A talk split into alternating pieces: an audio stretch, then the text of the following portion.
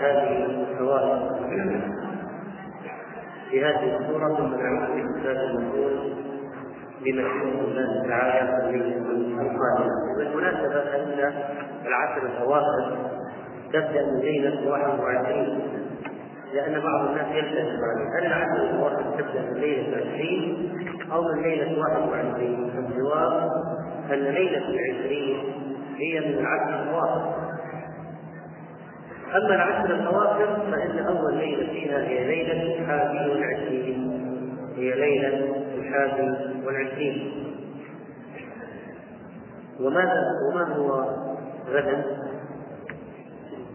العشرون من رمضان. فهذه الليلة هذه هذه ليلة العشرين. والليلة القادمة. ليلة هذه إذا الليلة القادمة هي أول ليلة من العشر الأواخر من رمضان. وبذلك يكون قد انتهى ثلثاء رمضان بسرعة كبيرة جدا. ولم يبقى من الثلث نسأل الله أن يتقبل منا فيما مضى وأن يعيننا على ما مضى. من فوائد هذه القصة العظيمة أن الصبر ثلاثة أنواع. صبر على طاعة الله وصبر عن معصية الله وصبر على أقدار الله المؤلمة وهذا الصبر درجات. فالصبر على طاعة الله وعن معصية الله أعلى درجة من الصبر على أقدار الله المؤلمة لماذا؟ لأن الصبر على أقدار الله المؤلمة ما لك فيه حيلة إلا الصبر. ماذا تفعل غير الصبر؟ لا يمكن شيء مقدور وقع وانتهى. ما لك الآن فيه إلا الصبر. أما الواجب والمحرم فأنت عندك خيار في فعل الواجب وعدم فعل الواجب. في ارتكاب المحرم وعدم ارتكاب المحرم.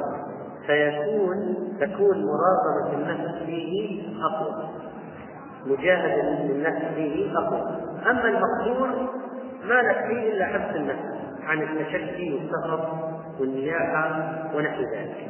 لكن فعل الواجب ترك المحرم الصبر على فعل الواجب الصبر على صلاة الفجر. هذا مثل الواجب. الصبر عليه كما أن الصبر عن المحرم كالزنا والامتناع عن الزنا أكمل اجرا وأكمل منزلة أكمل اجرا وأعلى منزلة من الصبر على إيه؟ الصبر على اقدار الله المبيحه ولو سألنا سؤالا فقلنا أيهما أكثر؟ صبر يوسف على السجن وإلقاء اخوته له في الجب أكمل أو صبره عن الزنا بامرأة العزيز أكمل بناء على ما تقدم يكون الصبر عن عن الزنا الصبر عن الزنا أكمل وأكثر أجرا وفضلا من الصبر على الوقوع في الجب والصبر على السجن. فاجتمع يوسف عليه السلام ثلاثة أنواع الصبر كلها ثلاثة الأنواع كلها. فإنه صبر على طاعة الله ولا زال على صلة بربه. وحتى لما تسلم المنصب صبر على طاعة الله ولم يخليه منصبه فهو يأمر بالعدل وهو على صراط مستقيم. تولى فعدل وحكم فكان من المخلصين فكان من المخلصين. ما هو الفرق بين القاسط والمقسط ما هو الفرق بين القاسط والمقسط نعم. القاسط هو الظالم. قال الله تعالى وأما القاسطون فكانوا لجهنم حطبا. لكن الله يحب المقسطين. إذا المقسط إن المقسطين على منابر من يوم القيامة. عن يمين الرحمن. من هم؟ قال الذين يعدلون في أموالهم وفي أهليهم وما ولوا وما ولوا. فإذا تولوا ولاية عدلوا فيها. الذين يعدلون في أهليهم وبين أولادهم وبين زوجاتهم يعدلون وكل ما وإذا تولوا فيه فيوسف عليه السلام تولى الولاية وصبر وأمره الله بما أمره به فصبر وحصلت له فرصة للوقوع في المحرمات فصبر ولم يقع فيها وتعرض للإيذاء والاضطهاد والأذى والأشياء المؤلمة فصبر فكان يوسف عليه السلام قد اكتمل له الصبر من جميع الجهات. قد اكتمل له الصبر من جميع الجهات. الفائدة الثانية والخمسون. في قول الله سبحانه وتعالى وجاء إخوة يوسف فدخلوا عليه فعرفهم وهم له منكرون لو قال قائل كيف عرفهم ولم يعرفهم؟ فالجواب أنهم أنه فارقهم وهو صغير وهم كبار. فالصغير يتغير عليك إذا رأيته. بعد عشر سنين. لكن أنت لا تتغير عليه كثيرا إذا كنت كبيرا. فلو مثلا واحد عمره ثلاثين رأيته عمره أربعين لا يتغير عليه كثيرا. لكن إذا رأيت عمره عشرة وبعد ذلك رأيت عمره عشرين. تغير عليك كثيرا. مع أن العشر سنوات هي هي. فإذا من أسباب أنه عرفهم ولم يعرفوه أنه فارقهم وهو صغير وهم كبار. ما فلما رآهم بعد هذه المدة يعني عد الآن كم جلس في قصر العزيز وكم جلس في السجن؟ وكم جلس وزيرا؟ حتى جاءوا إليه بعد سبع سنوات إيمان لما بدأت العجاب جاءوا يطلبون المدد إذا أقل شيء عندك 21 سنة تقريبا لبث في السجن بضع سنين وهذه عندك سبع سنوات سنان انقضت حتى يأتي يطلب المدد بعد ما صاروا سنوات العجاب. غير المدة التي قضاها في بعد الجب وشروه في زمن القصر وفي قصر العزيز مدة. فهي يعني قرابة 21 سنة. تغير تغير عليه كثيرا. ثم هم عددهم معروف. وإذا كان بعضهم تغير فبعضهم لم يتغير كثيرا. فلما رأى العدد وهو لا يزال يتغير كثيرا عليه ولا شك أنه صاحب فراسة أكثر منه وهو يتوقع أن لكن هم لا يتوقعون اطلاقا أن الذي رموه في الجب هو الآن وزير. ما يتوقع اطلاقا. إن هذا الذي رموه في الجب هو الآن وزير الامر هذه العوامل المجتمعة من أسباب أنه عرفهم وهم له منكرون.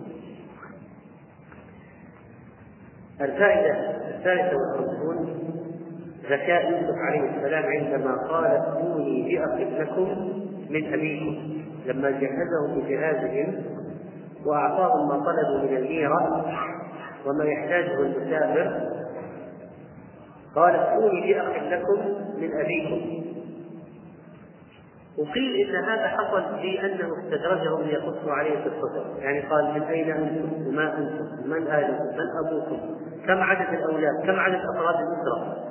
هذا شيء وارد جدا أن يسأل وزير التموين أو الشخص المكلف بتوزيع الحفظ أو الميرة في سنوات العجاز أن يسأل عن عدد أفراد الأسرة لكي يعطي يعطيهم على حسب العدد فكونه يسالهم لا يشكون فيه. فلما قالوا باقي واحد في البيت قالوا إحنا علمنا كذا وفي واحد مفقود وواحد في البيت. فقال حتى أصدقكم هاتوا هذا الذي تقولون إنه باقي في المرة القادمة هاتوا حتى تكونوا صادقين في الادعاء. وإلا لا اعطيكم شيئا ابدا. فاوجد عندهم الحافز أن ياتوا باخيهم لأنه اشتاق إليه ويريد أن يراه.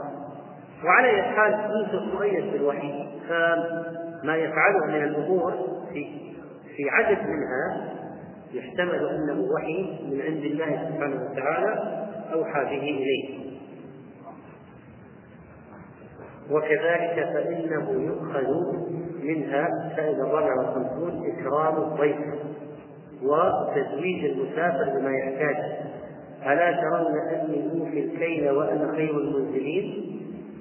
وأنه ينبغي على المسلم أن تكون هذه عادته المستمرة يعني ألا ترون أني أوفي الكيل لكم ولغيركم؟ وأنا خير المنزلين لكم ولغيركم؟ فهذا هذا ينبغي أن يكون من عادات المسلم. والفائدة الخامسة بعد الخمسين جواز جواز اتخاذ الحيلة المباحة للتوصل إلى المقصود المباح. فإنه قال لفتيانه اجعلوا بضاعتهم في رحالهم. يعني الأوعية التي جعلوا فيها الطعام والبضاعة التي وصلوا بها من بلادهم ليشتروا بها الطعام اجعلوها في رحالهم وأعيدوها فيها. حتى إذا عرف حتى إذا انقلبوا إلى أهلهم وفكوا المتاع عرفوا ذلك وأننا أخذنا الطعام مثل أنهم أخذوا منا الطعام بلا ثمن فيحملهم ذلك زيادة على العودة. الآن يوسف كان الذي عنده ما يقايض به يأخذ ويعطي طيب. فجاءوا معهم أشياء ويريدون طعاما لما أخذ الأشياء قال لفتيانه أرجعوها مرة أخرى وجعلوا البضاعة التي جاءوا فيها للمقايضة بالقمح اجعلوها في رحالهم فهم الآن إذا اكتشفوا هذا سيقولون إذا رجعوا. الآن هم فتيان يوسف سيشدون الأحزمة عليها. وهؤلاء لا يشعرون. إذا رجعوا إلى بلادهم ونزلوا المتاع وفتحوا ما عندهم سيقولون نسينا أن نسوا أن يأخذوا منا الثمن. الآن ما الآن لابد نرجع ونعيد الثمن إليه. فهذا سبب إضافي للرجوع يوسف يريدهم أن يرجعوا لأخيه. فقال لا كيل لكم عندي وجعل هذه البضاعة مرة أخرى في رحالهم. لعلهم يعرفون إذا انقلبوا إلى أهلهم لعلهم يرجعون. فتوصل بالحيلة المباحة إلى المقصود المباح. لأن بعض الناس قد يتخذ قد يكون عنده قصد مباح لكن يتخذ إليه وسيله محرمه يعني مثلا قد يقول أنا أريد أن آتي مثلا بزوجتي طيب يقول لك زوجي من شهادته مثلا فهو عنده قصد مباح أنه يريد أن يتزوج أو يريد أن يأتي بزوجته فيكذب أو يزور لأجل هذا. وهذا لا يجوز لابد ان تكون يكون القصد مباح والوسيلة مباحة. واخبث الناس الذي يكون قصد حرام والوسيله محرمة.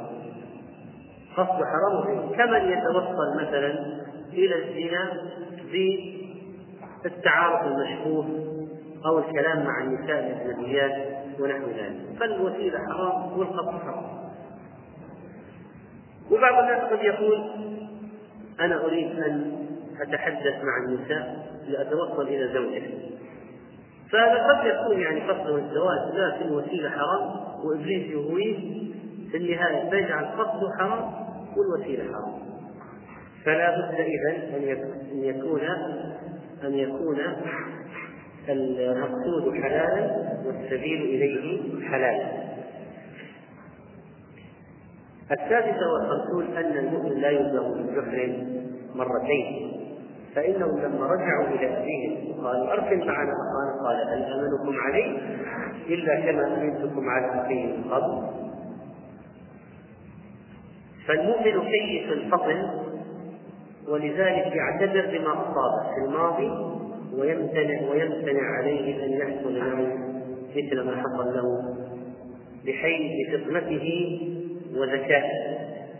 وليس أن يكون مغفلا والسابع والخمسون أن التوكل على الله هو السبب في دفع المكروهات. فإن يعقوب لم يقل لن أرسله معكم بس لا قال أنا أصلا معتمد على الله. فالله خير حافظا وهو أرحم الراحمين. فالله خير حافظا وهو أرحم الراحمين. فتوكل يعقوب على الله عز وجل. والثامنة والخمسون أن الإكرام إكرام الناس وسيلة إلى جذبهم. قال الشاعر أحسن إلى الناس تستعبد قلوبهم. فلربما استعبد الإنسان قال استعبد الإنسان إحسانا لكن هذا البيت طبعا ألفاظه فيها أمور خطيرة لأنه قال تستعبد قلوبهم. ونحن المفترض أن تكون العبودية لله. فالإنسان يستميل القلب بالمعروف نعم لكن لا يستعبد لأن العبودية هذه لله. العبودية لله. فلا يجوز للإنسان أن يستعبد غيره لا بالإحسان ولا بالغيره إذا الإحسان يستميل قلوب الناس. ولذلك قال يا أبانا ما نبغي؟ هذه بضاعتنا ردت إلينا. ونمير أهلنا. يعني ماذا نريد؟ هذا رجل أكرمنا جدا. أكرمنا لما قدمنا عليه. وهذه البضاعة ردت إلينا. فأرسل معنا أخانا التاسعة والخمسون أن الإنسان إذا رأى أنه محتاج لفعل أمر لكن فيه نسبة مخاطرة مع شخص آخر فهو يرى أنه محتاج أن يفعل شيء مع شخص آخر. لكنه فيه جزء من عدم الثقة. فإن أخذ الموقف من الله وأن يقول له عاهدني بالله عاهدني بالله العظيم أن تفعل كذا أو لا تفعل كذا أن ذلك مما يقلل نسبة المخاطرة ولذلك يعقوب قال لن أرسله معكم حتى تعطوني موثقا من الله. الموثق الميثاق الميثاق مثل أن يعاهدوه بالله يحلف له بالله العظيم. أنكم تردون أخاكم وترجعونه لتأتونني به. الفائدة الستون أن الإنسان إذا غلب على أمره فهو معذور. إذا غلب على أمره وما عاد له حيلة فهو معذور. وهذا من فقه يعقوب لما قال إلا أن يحاط بكم. يعني هو صح يطلب منهم أن يردوا أخاهم لكن يعني في فيما يقدرون عليه. أما إذا غلب ولا يستطيع لا يكلف الله نفسا إلا وسعها.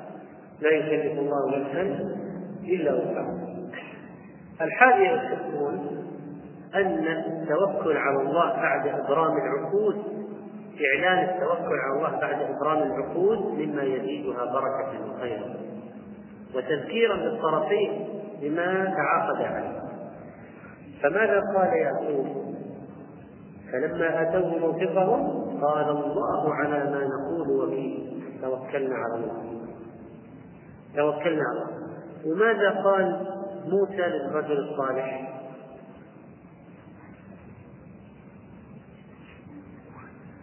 لما قال اني اريد أن انكحك إحدى ابنتي هاتين على أن تاجرني ثمانية حجج فإن قال فإن كنت عشره من عندك. قال ستجدني إن شاء الله. قال فإن كنت عشره من عندك وما أريد أن أشق عليك ستجدني إن شاء الله من الصالح. قال ذلك بيني وبينك ايما الاجرين قضيت فلا عدوان علي. والله على ما نقول وكيل. والله على ما نقول وكيل. فأبرم العقل. أبرم العقل. وقال الله على ما نقول وكيل. وهنا آتوه موثقا قال الله على ما نقول وكيل. وهذه كلمتين يعني من نبيين في هذه في العقود. إذا الإنسان إذا أراد أن يبرم عقلا مهما فيه أمر فيه حيوية وخطورة فإنه يبين التوكل على الله بالطرف بين يكون هذا واقف بين الطرفين ويقول الله هذه عبارة يعني عبارة أنبياء في الحقيقة عبارة أنبياء ينبغي أن يبتدى بهم فيها إذا أبرمت شيء مهم مع واحد قل في نهاية الإبرام العبد والاتفاق الله على ما نقول وكيل فكأنك تشهد الله على ذلك وأنت يا أيها الطرف الآخر ترى الله على ما نقول وكيل انتبه. فكل منهم يعد نفسه بالله وأن الله رقيب مطلع يشاهد يشهد على هذا. هذا العقد وعلى هذا الاتفاق وعلى هذا الموجب والميثاق والميثاق الغليظ. الفائدة الحادية والستون أن أخذ الأسباب للوقاية من العين أمر مشروع. أخذ الأسباب أخذ الأسباب بدون وسط فإن يعقوب قال لأولاده لا تدخلوا من باب واحد. وادخلوا من أبواب متفرقة. وادخلوا من أبواب متفرقة. فأولاد يعقوب يعني كان فيهم جمال وهم عدد وذكور. وإذا صار الواحد عنده ذكور وعدد وفيهم جمال هذا مجلب العلم مجلب العلم. ولذلك يكون عدم ظهورهم كلهم معا في مكان واحد. أحسن. والفائدة الثانية والستون أن الإنسان المسلم عليه أن يدفع الغيبة عن نفسه. يعني إذا كان تصرف معين يمكن أن يجعل الناس يرتابون فيه. فلا تفعل. ثلاثة فالبلاد من زمان كان لها سور البلد لها سور والسور له باب. يدخل البلد ناس يخرجون ناس والأبواب تغلق. في وقت معين مثلا تغلق الأبواب. يعني لو جاءت قافلة تنام عند الباب إلى ثاني يوم الصبح. ما كان مثل الآن البلاد يعني شوارع طرق مفتحة. يأتونها بالجو بالارض بالبحر لها سور ولها باب. وأيضا السور هذا يفيد في صد الاعتداءات والحروب. ولذلك كانوا يحتاجون في نقل إلى نقل الأسواق عند الإغارة على المدن والبلاد. الآن دخول هؤلاء العدد 11 واحد. من باب واحد. 11 واحد من باب واحد. مرة واحدة دفعة واحدة. ممكن يثير الفتنة أن هؤلاء يريدون شرا يريدون أمرا عصابة. ولذلك قال لا تدخلوا من باب واحد وادخلوا من أبواب متفرقة. فليس فقط لأجل قضية العين وإنما لأجل أن لا يثير الريبة فيهم أن لا يظن بهم ظن سوء أنهم لصوص أن عندهم اتفاق معين لأمر معين خطير. ولذلك ينبغي على المسلم إذا كان بإمكان أن أن يدفع الريبة عن نفسه أن يفعل ذلك ولا يتصرف تصرفا يثير الشبهة فيه يثير الشبهة فيه الثالثة والستون أن اتخاذ الأسباب لا يمنع من وقوع قدر الله أن اتخاذ الأسباب لا يمنع الوقوع من القدر. فإن قدر الله إذا سيقع سيقع. لكن العقل والشرع يقتضيان الأخذ بالأسباب لكن لابد يعرف الذي يتخذ السبب أن السبب لن يحول بينه وبين وقوع القدر إذا كان الله قد قضى من قبل ان القدر سيقع ولذلك قال يعقوب بن فقه وانه لذو علم لما علمته ولما دخلوا من حيث أمر ابوه ما كان يغني عنه من الله بشيء وما المسألة الآن أن هذا الكلام الذي قاله له سيمنع وقوع المكروه به. ممكن يقع به المكروه لكن الإنسان يعني ما هي النسبة الاكثر هل يقع بها المكروه. إذا اتخذت الأسباب لمنعه أو إذا ما اتخذت الأسباب لمنعه أي النسبة هي الأكثر؟ إذا ما اتخذت الأسباب. إن إن المكروه سيقع بك بنسبة أكبر. ولذلك ولذلك فإن الأخذ بالأسباب لا ينافي التوكل على الله لكن السبب لا يمنع بالضرورة قدر الله إذا كان الله عز وجل قد قضاه قيل لابن عباس. قيل لابن عباس.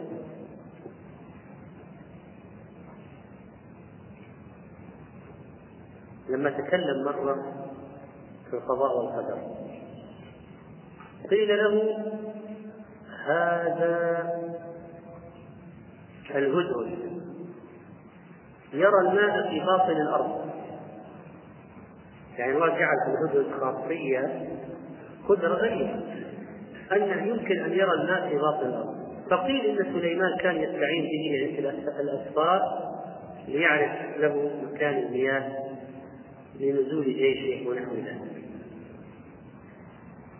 الهدهد يرى الماء في باطن الأرض. فيقول واحد من عباس هذا الهدهد يرى الماء في باطن فما بال الطفل يصيده الصبي الصغير يصيد الهدهد الصبي الصغير يصيد الهدهد فكيف عنده قدرة غريبة ثم يقع في شرك ولد صغير؟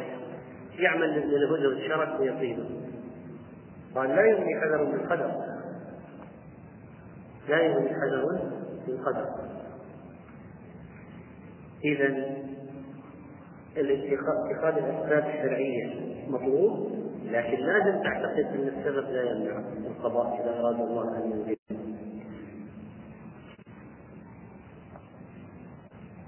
الفائدة الرابعة والستون إكرام الأخ أخاه فإن يوسف عليه السلام آوى إليه أخاه قيل نزل كل اثنين في غرفة مكان وفي غرفة وبما نعلمه الكربي بقي واحد وهو أخوه الصغير فآواه إليه. وقال إني أنا أخوك. تأكيد. إني أنا أخوك. فعرفه بنفسه. وأكيد أن هذا الصغير يعرف أن له أخ اسمه يوسف. ربما كان يعرف ويعرف القصة إني أنا أخوك. فلا تبتئس بما كانوا يعملون. ولعله طلب منه أن يخفي أمره. الشاهد أنه آواه إليه. آواه إليه وأكرمه. كيف لا يكون الإكرام وقد فرقت السنون بينهما في هذه المدة الطويلة؟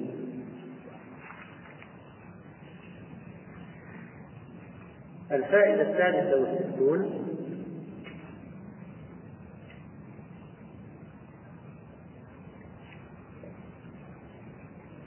أن يوسف عليه السلام أراد أن يأخذ أخاه بطريقة بالحيلة الشرعية بالحيلة الشرعية ولا يريد أن يأخذ أخاه على حسب دين الملك الجاهلي وإنما يريد أن يأخذ أخاه على حسب شريعة يعقوب. في شريعة يعقوب كان السارق يؤخذ عبدا عند المسروق منه. لو واحد سرق من واحد في شيء واحد هذا السارق يكون عبد عند المسروق منه. أراد يوسف بحيلة أن يتوصل لأخذ أخيه. فماذا فعل؟ لما جهزهم بجهازهم جعل السقاية في رحل أخيه. بعض المغفلين قرأ جعل السقاية في رجل أخيه. جعل السقاية في رحل أخيه. ثم أذن مؤذن أيتها العير إنكم لسارقون. نادى مناد يا أصحاب العير الإبل المرحولة المركوبة. إنكم لسارقون فأقبلوا عليه. ماذا تفقدون ما وضع لكم؟ قالوا نفقد صواع الملك والفائدة السابعة والستون أن الجعالة مشروعة وهي أن تقول من وجد ضالتي فله ألف مثلا. هذه جعال جعل جعالة. تجعل مبلغ مقطوع لمن فعل لك شيء معين. هذه غير الإجارة. الإجارة العمل فيها معلوم. الجعال العمل غير معلوم. لأن يقول من وجد بعير. وجدان البعير ممكن يأخذ ساعة ممكن يأخذ سنة. وأن تبحث عن بعير الوجه. الإجارة العمل فيها معلوم. الجعالة غير الإجارة. الجعالة يجعل جعل مبلغ معين. مثلا من وجد محفظتي فله 100 ريال. مثلا. لكن لا يجوز أن يكون الجعل مجهولا. لو قلت من وجد محفظتي فله ما فيها. يطلع لك يطلع فيها ريال. يقول ليش؟ انك ما, ما تعرف نفسي أبحث لك عن حقيقه ويمكن يكون فيها ألف. فإذا في عقد الجعالة لابد أن يكون الجعل معلوما وأن ولو كان العمل مجهول. الآن كم يأخذ حتى تجد حقيبة هذا الرجل؟ طيب.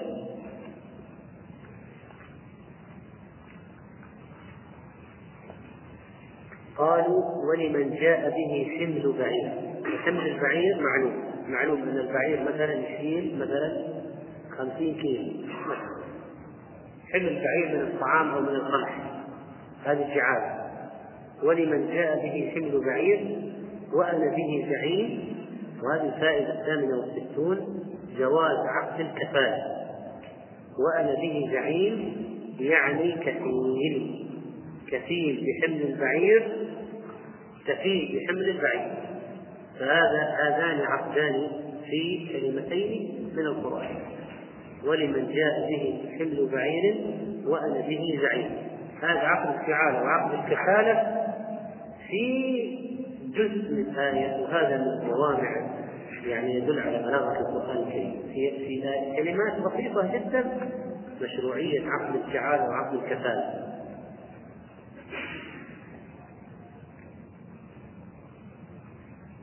ثم بعد ذلك استدرجه يوسف عليه السلام قال قال فما جزاؤه؟ أنتم احكموا أنتم احكموا هذه هي هذا الشيء الذي كاده الله ليوسف يعني لمصلحة يوسف. أنه جعل أنه حاكمهم إلى شريعة يعقوب وهي شريعة سماويه قال فما جزاؤه؟ أنتم احكموا قالوا جزاؤه من وجد في رحله فهو جزاؤه. الذي يوجد في رحله هو نفسه يكون الجزاء يؤخذ عبدا. و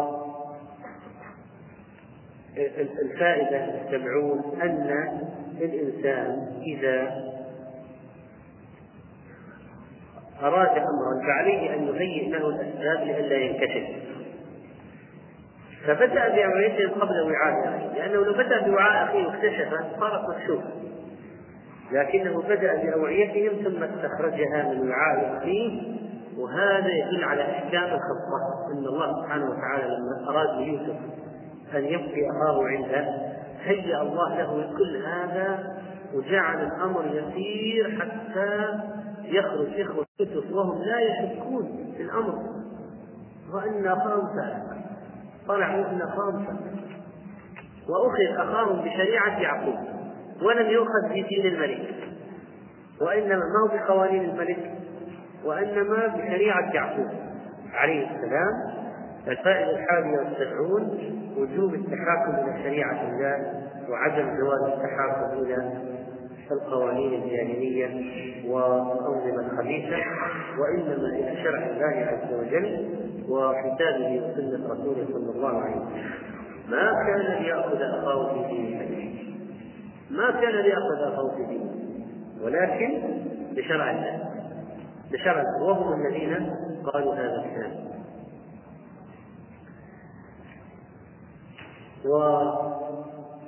والفائدة التي تليها أن كتاب الله سبحانه وتعالى يجب أن يؤخذ ويعمل به بما أراده عز وجل. والمقصود من الآية يعمل به. أما ما ليس مقصودا منها فلا يعمل به. وهذا الدرس مبني على قصة في هذه الآية يا أيها العزيز إن له شيخا كبيرا حصلت لأبي علي بن عقيل رحمه الله. أبو علي بن عقيل واحد من أهل العلم الكبار الذين لهم منزلة بين الناس. منزلة كبيرة من الناس حصل أن أبو علي بن عقيل كان له ولد يهيئه ويعلمه ويحبه جدا. والناس يحبون أبو علي بن عقيل ويعرفون منزلة ولده منه. فمات الولد؟ قدر الله أن هذا الولد مات فالناس اكتئبوا وأصابهم الهم والغم والحزن لموت هذا الغلام لأنهم يحبون اباه ويعلمون كم يحب هذا الأب ابنه. فجاءوا إليه يعزونه وخرجوا معه إلى المقبرة واجتمعوا عند القبر وصار الزحم ولما نزل أنزلت الجنازة في القبر قام واحد من العامة فرح فرح. قال يا أيها العزيز إن له أبا شيخا كبيرا فخذ أحدنا مكانه. إنا نراك هو الآن يعني يقول يا أيها العزيز يعني الله عز وجل يعني من أسمائه العزيز. إن له أبا شيخا كبيرا يعني هذا فخذ أحدنا مكانه. طبعا الناس تفاعلوا مع هذه وضج الناس بالبكاء وفرحوا وصار في صراخ في المقبرة. فنهاهم أبو علي العقيل رحمه الله. قال يا أيها الناس إن القرآن لم ينزل ليثير الحزن لكن نزل ليعالج الحزن. كيف أنتم تهيجون فيه الأحزان؟ هذا القرآن نزل للسكينة واحد حزين القرآن يسليه. مكروه القرآن بالقرآن تنفس الكربة ما هو بالقرآن تثار الأحزان وازداد الألم النفسي. ما بال إذا بعض الناس يستعملون الآيات في غير ما أنزلت يعني. فإذا الفائدة هنا أن الآيات ينبغي أن تستعمل فيما أنزلت لأجله وليس فيما لم تنزل لأجله. وبذلك تعلم الفائدة الخامسة والسبعون بدعة ما يفعله بعض الناس من استعمال الآيات في غير مواضعها لما يقول يا موسى وجئت على قدر المجيد ثم جئت على قدر إذا جاء شاف موسى جاء وجئت على قدر يا موسى. وإذا الأكل يقول آتنا غداء. وإذا كذا يقول وهكذا من ال يعني يستعملون حتى في تقدير الأفعال. يعني إذا غلبت الروم 99 غلبت الروم هذه يعني إيه يحصل إذا غلبت. الكفار كانوا يستبعدون. يعني الكفار كانوا يستبعدون أن تغلب الروم. فالله قال غلبت الروم الكفار كانوا يستبعدون أن تغلب الروم. الكفار كانوا يستبعدون أن تغلب الروم. ويقولون لا يمكن الفرس أقوى. الفرس فعلوا الآن اخذوا احتلوا نصف مملكة الروم الروم. لا يمكن. فالله أوحى لنبيه أن الروم سيغلبون. من بعد غلبهم بعد ما هم سيغلبون. وفي بضع سنين. وقريش لا يمكن أن تستوعب هذا. وكذبوا. قالوا ابدا. وراهن قالوا للصديق صاحبك يقول كذا قال قالوا نراهنك. راهنوه على على ابن إنه لا يمكن الروم تغلب. فراهنهم. لكن أبو بكر الصديق ما أعطاهم كل المدة فلما انقضت المدة التي يعني الآن معروف البضع من ثلاث إلى تسع. فمثلا هو أعطاهم سبع أو كذا فالمهم أنه جاء وقال يا الله هات الإبل. لما جاء ما جاءت نهاية البضع إلا والروم اتسعوا هذا بقدر الله تعالى حصل اضطرابات في مملكة فارس ونزاع في الملك المهم انتهز الروم الفرصة وكروا الفرس ف يعني الشاهد أن من الذي استبعد أن الروم يغلبون؟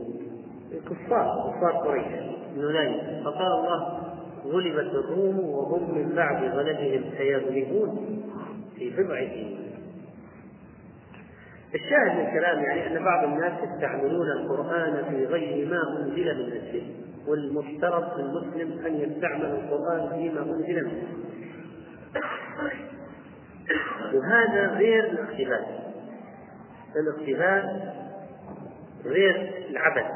الاقتباس يعني مثلا يقول واحد مثلا وقعت الفتن وصار الناس في أمر مريض الآن وقعت الفتن مثلا. وفعلا الناس في أمر مريض. اختلط اختلطت عليهم. فالواحد يقول وصار الناس في أمر مريض. هذا اقتباس من القرآن. اقتباس. فالاقتباس بهذه الطريقة صحيح. هذا غير العبث في الآيات. مثل اللي قال يقول محمد عبده مو هذا المغني العقلاني الأول المنحرف اللي قبله. قال إن يعني طبعا على أشياء جيدة كانت له محمد عبده له أشياء جيدة بس عنده انحرافات يعني خطيرة جدا. محمد عبده هو تلميذ جمال الدين الأفغاني.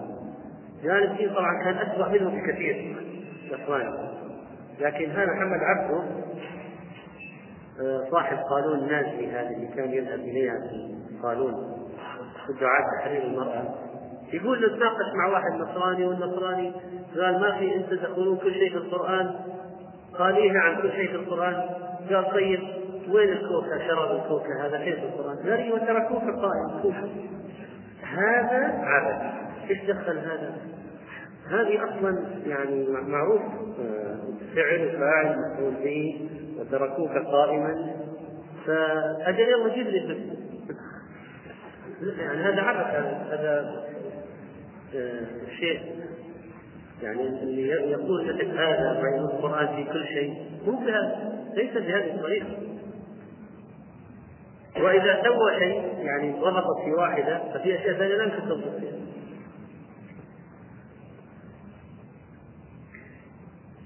فالفائدة السادسة والستون استعظام شأن العهد واستشعار المسؤولية والعمل لتحقيق ما أخذ على الإنسان من الموسف الغليظ فإن هؤلاء لما استيأسوا منه لا يمكن أن يعني يأخذوا أخاهم يستعين يسترجعوه. خلصوا نجيا. بعضهم طبعا فهم فهم خطأ. خلصوا نجيا يعني هربوا طبعا ليس النجو لا. خلصوا نجيا يعني بالمسارة فيما بينهم. بالمسارة فيما بينهم. وليس خلصوا نجيا يعني هربوا وإنما خلصوا نجيا يعني اجتمعوا ليتناجوا ويتشاوروا ما هي الخطوة القادمة وماذا نفعل في كلام خاص بينهم. في فرد متناجين وأشار ابن الجوزي رحمه الله إلى بعض العبث يعني وبعض الأفهام الخاطئة.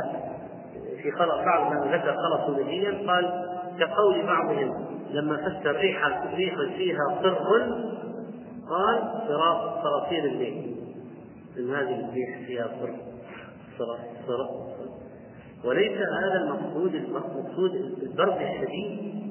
طيب. نجيا فإذا استشعر هؤلاء المسؤولية الموجودة قال كبيرهم ألم تعلموا أن أباكم قد أخذ عليكم موثقا منه ولا بد نفعل شيئا واستشعر مسؤولية الموثق الذي أخذه عليه أبوه. وقال أنا لا أتحرك من هنا لا أبرح الأرض حتى يأذن لي أبي. أو يحكم الله لي بأن آخذ أخي أو تنتهي هذه المشكلة. وفعلا وصف إخوة يوسف ذلك الموقف الشديد في هذه الكربة والموقف العظيم. وطبعا هذا يختلف تماما عن حالهم لما من أول تحايلوا وأخذوه وألقوه في غيابة الجبل فتغير حال إخوة يوسف وتابوا إلى الله بعد ذلك. يعني بالحقيقة هم بدأوا القصة مجرمين. أخذوا أخاهم وطلعوا في البئر لكن بعد ذلك تابوا إلى الله. ولعله حصل لهم يعني تغير على مراحل. وهذه كانت مرحلة من المراحل. ثم قالوا يا أبانا استغفر لنا ذنوبنا وعلم التوبة. إن خلاص اعترف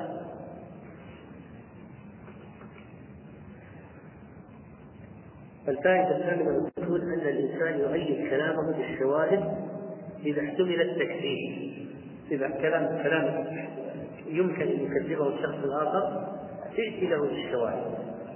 قال اسأل القرية التي كنا فيها اسأل العير القاتلة التي أضلنا فيها وإنا لصادقون لأن ما دام الشك فيه من كلامهم فليؤخذ الخبر من مصادر أخرى. خذ من مصادر أخرى لكي تتأكد من كلامهم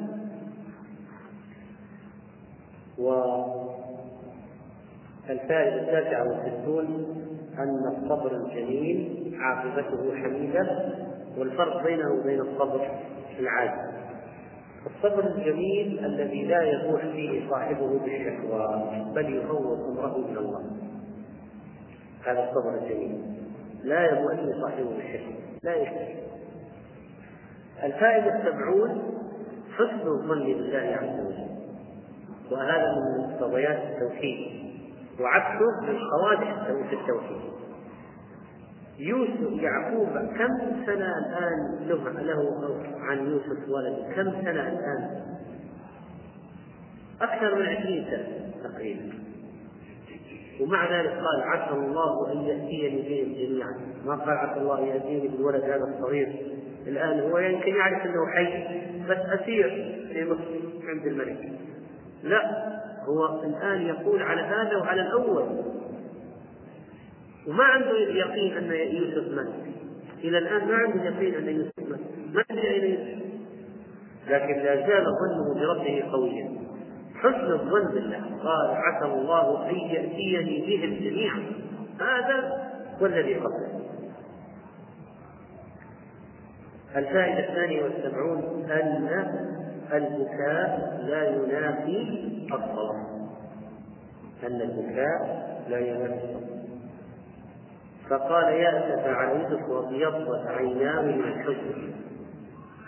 قوم البكاء والدمع انقلب سواد عينيه بياضا من كثرة البكاء ما هو الفرق بين البكاء والنياحة؟ وهل يجوز لمن مات له ميت أن يبكي عليه؟ الجواب نعم يجوز لمن مات له ميت أن يبكي عليه والدمعة التي نزلت من النبي صلى الله عليه وسلم كانت رحمة وشفقة على الولد الذي تفيض روحه في حجر النبي صلى الله عليه وسلم والنياحة ليست بكاء النياحة صراخ النياحة زعيق النياحة اعتراض على القضاء والقدر. البكاء ممكن يكون رحمة ممكن يكون شفقة. غلبة نفس.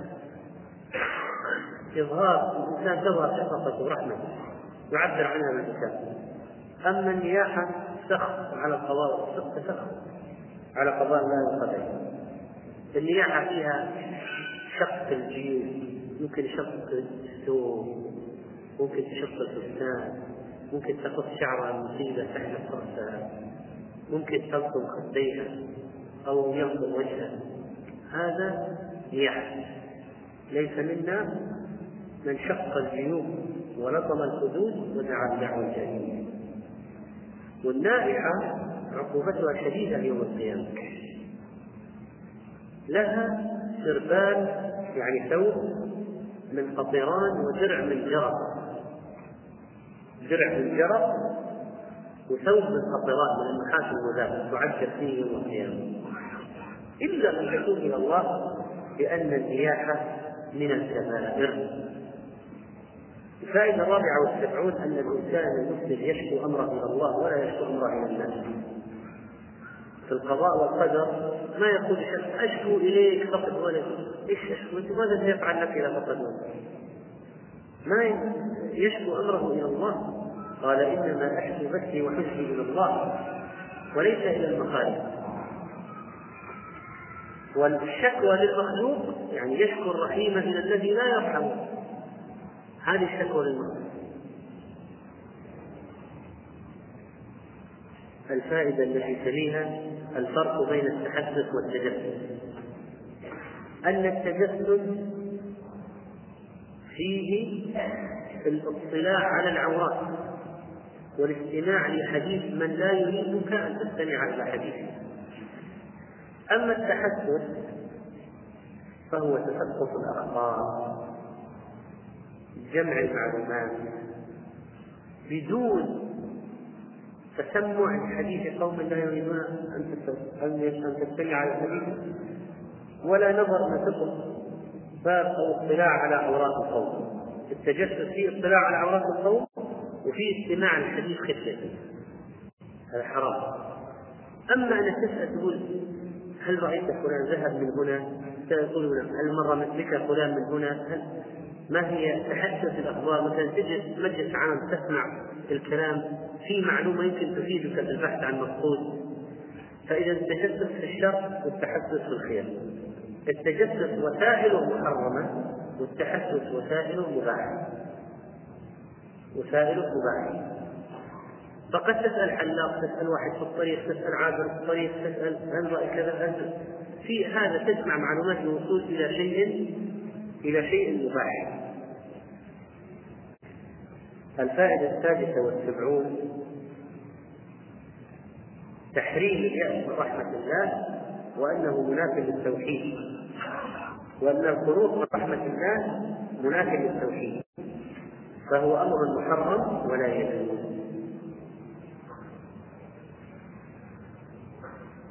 والفائدة السابعة والسبعون أن الله عز وجل يؤيد المظلوم ولو بعد حين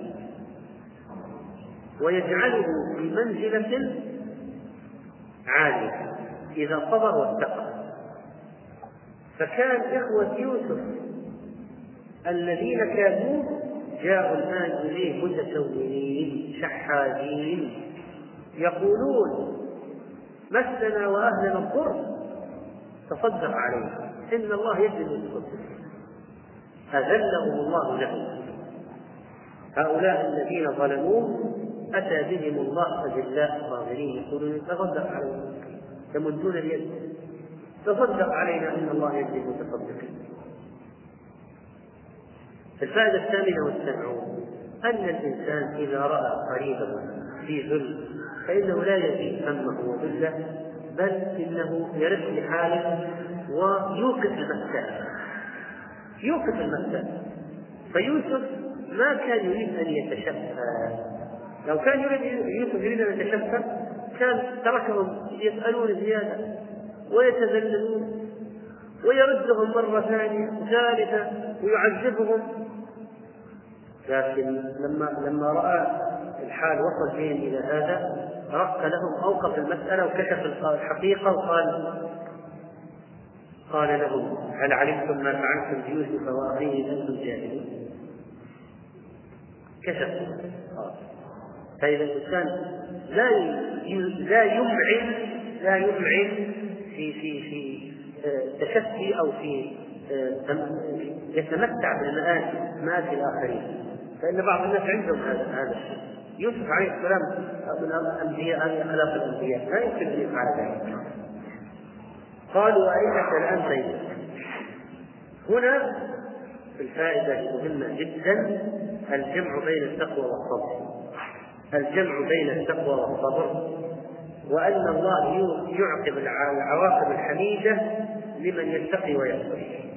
قال ها أنا يوسف وهذا أخي. قد من الله علينا. إنه من يتقي ويصبر فإن الله لا يضيع أجره الفائدة الثمانون أن الإنسان لا يقول هذا المنصب بذكائي وقدرتي وهذا المكانة بقدراتي الجبارة لا شوف يوسف قال أنا يوسف هذا أخي قد من الله علي يعني أنا في هذا المنصب هذه من منة الله عليه. فإذا الإنسان لا يغتر بما وصل مهما علينا إنه من يتقي ويصبر فإن الله لا يضيع أجره الفائدة الثمانون أن الإنسان لا يقول هذا المنصب بذكائي وقدرتي وهذا المكانة بقدراتي الجبارة لا شوف يوسف قال يوسف هذا أخي قد من الله علي يعني أنا في هذا المنصب هذه من منة الله عليه. فإذا الإنسان لا يغتر بما وصل مهما وصل إلى أي مرحلة ومرتبة يعني يردها إلى الله وإن منة من الله. قد من الله عليه. اعتراف الله بالمنة. الفائدة الحادية والثمانون أن المسلم يراعي مشاعر إخوانه. فيوسف قال لا تثريب عليكم اليوم. والعفو عند المقدرة الفائدة الثانية والثمانون العفو عند المقدرة. والثالثة والثمانون الدعاء لمن أخطأ عليه بالمغفرة. الدعاء لمن أخطأ عليه بالمغفرة. قال يغفر الله لكم. فإذا واحد ظلمك فقلت يغفر الله لك نعم. فلك الأجر العظيم. لا تثريب عليكم يغفر الله لكم وهو أرحم الراحمين. الرابعة والثمانون معجزات الأنبياء. فإن القميص قميص يوسف لما ألقي على وجه يعقوب رجع بصيرا. مع أنه هذه المجال يعني لو فعل لو أي أعمى أتيت له بقميص ولده ما لا يحدث هذا. فالله عز وجل يخرق العادة بمعجزات الأنبياء كما حصل هذه معجزة يوسف تركها ليوسف ويعقوب عليهما السلام بإلقاء القميص على وجه يعقوب فيرتد بصيرا والفائدة السابعة والثمانون أن الأشياء المعنوية لها يحس فيها الإنسان يعني عندما يقول آه إني لأجد, لأجد ريح يوسف من وين هذه؟ هل يوسف ريحه يوجد من مصر إلى فلسطين؟ هل يمكن يعني ريحة يوسف تمشي منها؟ لكن في قوى خفية الله أودعها في يعني نفوس الناس اثنين ممكن تكون معجزة ليعقوب عليه السلام أن الله مكنه من شم رائحة ولده عبر هذه المسافة الطويلة جدا. عبر هذه المسافة الطويلة. الفائدة الثامنة والثمانون استحباب البشارة وأن البشير يسبق الناس إلى المبشر. فلما أن جاء البشير أو أول واحد هذا السابق الذي يسبق بالخبر السار يسمى بشير. واستحباب البشارة واستحباب المكافأة على البشارة كما ورد في السنة. والفائدة التاسعة والثمانون طلب الاستغفار من الأب عند عقوقه. طلب الاستغفار من الأب في حال عقوقه. فإنهم عقوا أباهم. عقوا أباهم. فما هي يعني كفارة؟ إذا واحد عق أباه يعني. أو عق أمة. ما هي كفارة؟ أن يقول يا أبي استغفر لي. استغفر لي. هذا من من كفارات العقوق. لأن هؤلاء قالوا يا أبانا استغفر لنا. يا أبانا استغفر لنا ذنوبا والإعتراف بالخطأ في قوله إنا كنا خاطئين. الفائدة التسعون التماس أوقات الإجابة في الدعاء. لأن يعقوب ما ما دعا مباشرة قال سوف أستغفر لكم ربي. قال بعض المفسرين أخر الدعاء والسحر. يعني سوف أستغفر. ما ما استغفر مباشرة. قال سوف أستغفر. ففيه التماس أوقات الإجابة لأجل الدعاء. ولم يعجل الدعاء بعظيم جريمتهم وأراد أن يخلص لله الدعاء ويتحرى ساعة الإجابة شفقة على أولاده لعل الله أن يتجاوز عنهم. والفائدة الحادية والتسعون إكرام الأبوين إكرام الأبوين وبر الأبوين لأن يوسف عليه السلام آوى إليه أبويه فأنزلهما عنده. وضمهما إلى مسكنه الخاص. مثل ما آوى إليه أخاق في الأول أولئك عندهم غرف أنزلهم في غرف غرف الضيوف. لكن آوى إليه أبويه عنده في مكانه الخاص. مكانه الخاص. مثل أنت مثلا يمكن يكون عندك غرفة خاصة لك مهيئة جيدة مزينة. إذا جاء أبوك أو والدك أو والدتك تؤويهم في نفس المكان الذي أنت فيه. ولا تنزلهم في غرفة الضيف غرفة الضيف هذه قد تكون لأي ضيف لكن إذا أنزلتهما في مكانك الخاص هذه زيادة إكرام وهذا ما يليق بالوالدين. البر بهما. آوى إليه أبويه. وكذلك من الفوائد آه الثانية والتسعون أو الثالثة والتسعون تطمين الخائف تطمين الخائف ادخلوا مصر إن شاء الله آمنين. آمنين لا خوف عليكم.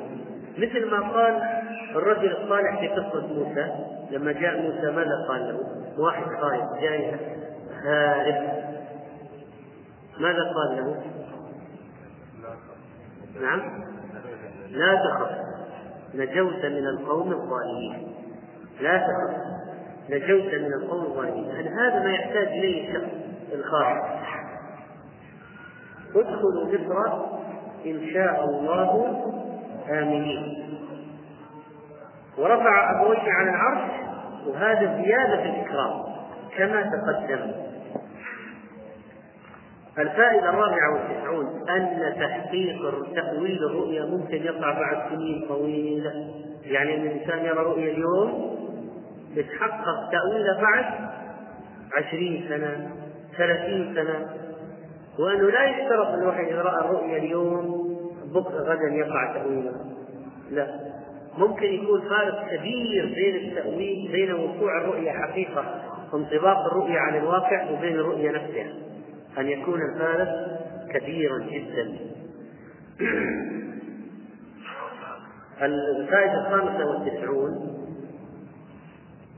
الحفاظ على مشاعر الآخرين وعدم جرحها وإيذائها فإن يوسف قال وجاء بكم من البدء من بعد أن نزغ الشيطان بيني وبين إخوتي. يعني ما قال من بعد ما ظلمني إخوتي ما قال من بعد ما ألقوني في الجب قال يعني وضع اللوم على الشيطان. بدل من يضعه على إخوته تلاحظ العبارة قال من بعد أن نزغ الشيطان بيني وبين طبعا هذه من مكارم الأخلاق. ومما يليق بالأنبياء. هذه أخلاق الأنبياء. السادسة والستون الاعتراف لله بالنعم في جميع الأحوال التي يتقلب فيها الإنسان. فأحسن بي إذ أخرجني من السجن. وجاء بكم من البدو يعني منا من الله علي أن جمع شمل العائلة مرة أخرى. فإخراجي من الجب إخراجي من الجب نعمة. إخراجي من السجن نعمة. لم شمل العائلة جاء بكم نعمة. طبعا نلاحظ هنا يوسف أنه ما قال آه، وقد أحسن بي أخرجني من الجب وإنما قال أخرجني من السجن. فلماذا لم يذكر الجب؟ مراعاة لإخوانه لأنه هم الذين ألقوا السجن فأعرض عن ذكره في المرة. فإذا أنت إذا ظلمك أحد أقربائك مثلا فلا تقل والحمد لله خلصنا من المشكلة التي عملها فلان والحمد لله صارت كذا. أعرف أعرف عن هذا أضرب عليه صفحا ولا تذكره وهذا من مكارم الأخلاق. يعني هذا الأنبياء فبهداهم اقتديه السابعة والتسعون بيان لطف الله تعالى. أن الله لطيف من أسمائه اللطيف لطيف اللطيف وأنه يلطف بعباده. وكيف كم لطف يوسف؟ فلم فلم يجعله يموت في الجب ولم يجعله يبقى في السجن ولم يجعله يبقى فقيرا ولم يبقى مظلوما وإنما لطف فيه وجمعه باهله بعد سنين بعد سنين. يعني وقد يجمع الله الشتيتين بعدما هذه الآية الثامنة والتسعون أو التاسعة والتسعون وقد يجمع الله الشتيتين بعدما يظنان كل الظن أن لا تلاقيا. فسبحان سبحان الذي جمع هذه الأسرة وهذا البيت بعد هذه المدة الطويلة. والفائدة الأخيرة المئة أن الإنسان المسلم إذا اكتملت له نعم الله فإنه يسأل الله الوفاء على الإسلام. إذا اكتملت له نعم الله اكتمل له ما يريد بقي أن يهتم جدا بالخاتمة وهي الوفاء على الإسلام. ولذلك لما رأى يوسف كل ما يريد يتحقق العزة في الدنيا تحقق والملك صار إليه والمكانة والغنى واجتماع الأهل ومجيء الأبوين كل تحقق في كل ما يريد. ماذا قال؟ ربي قد آتيتني من الملك هذه منة وعلمتني من تأويل الأحاديث واجتمعت الأهل اجتمع الأهل حصل كل ما يريد إيش؟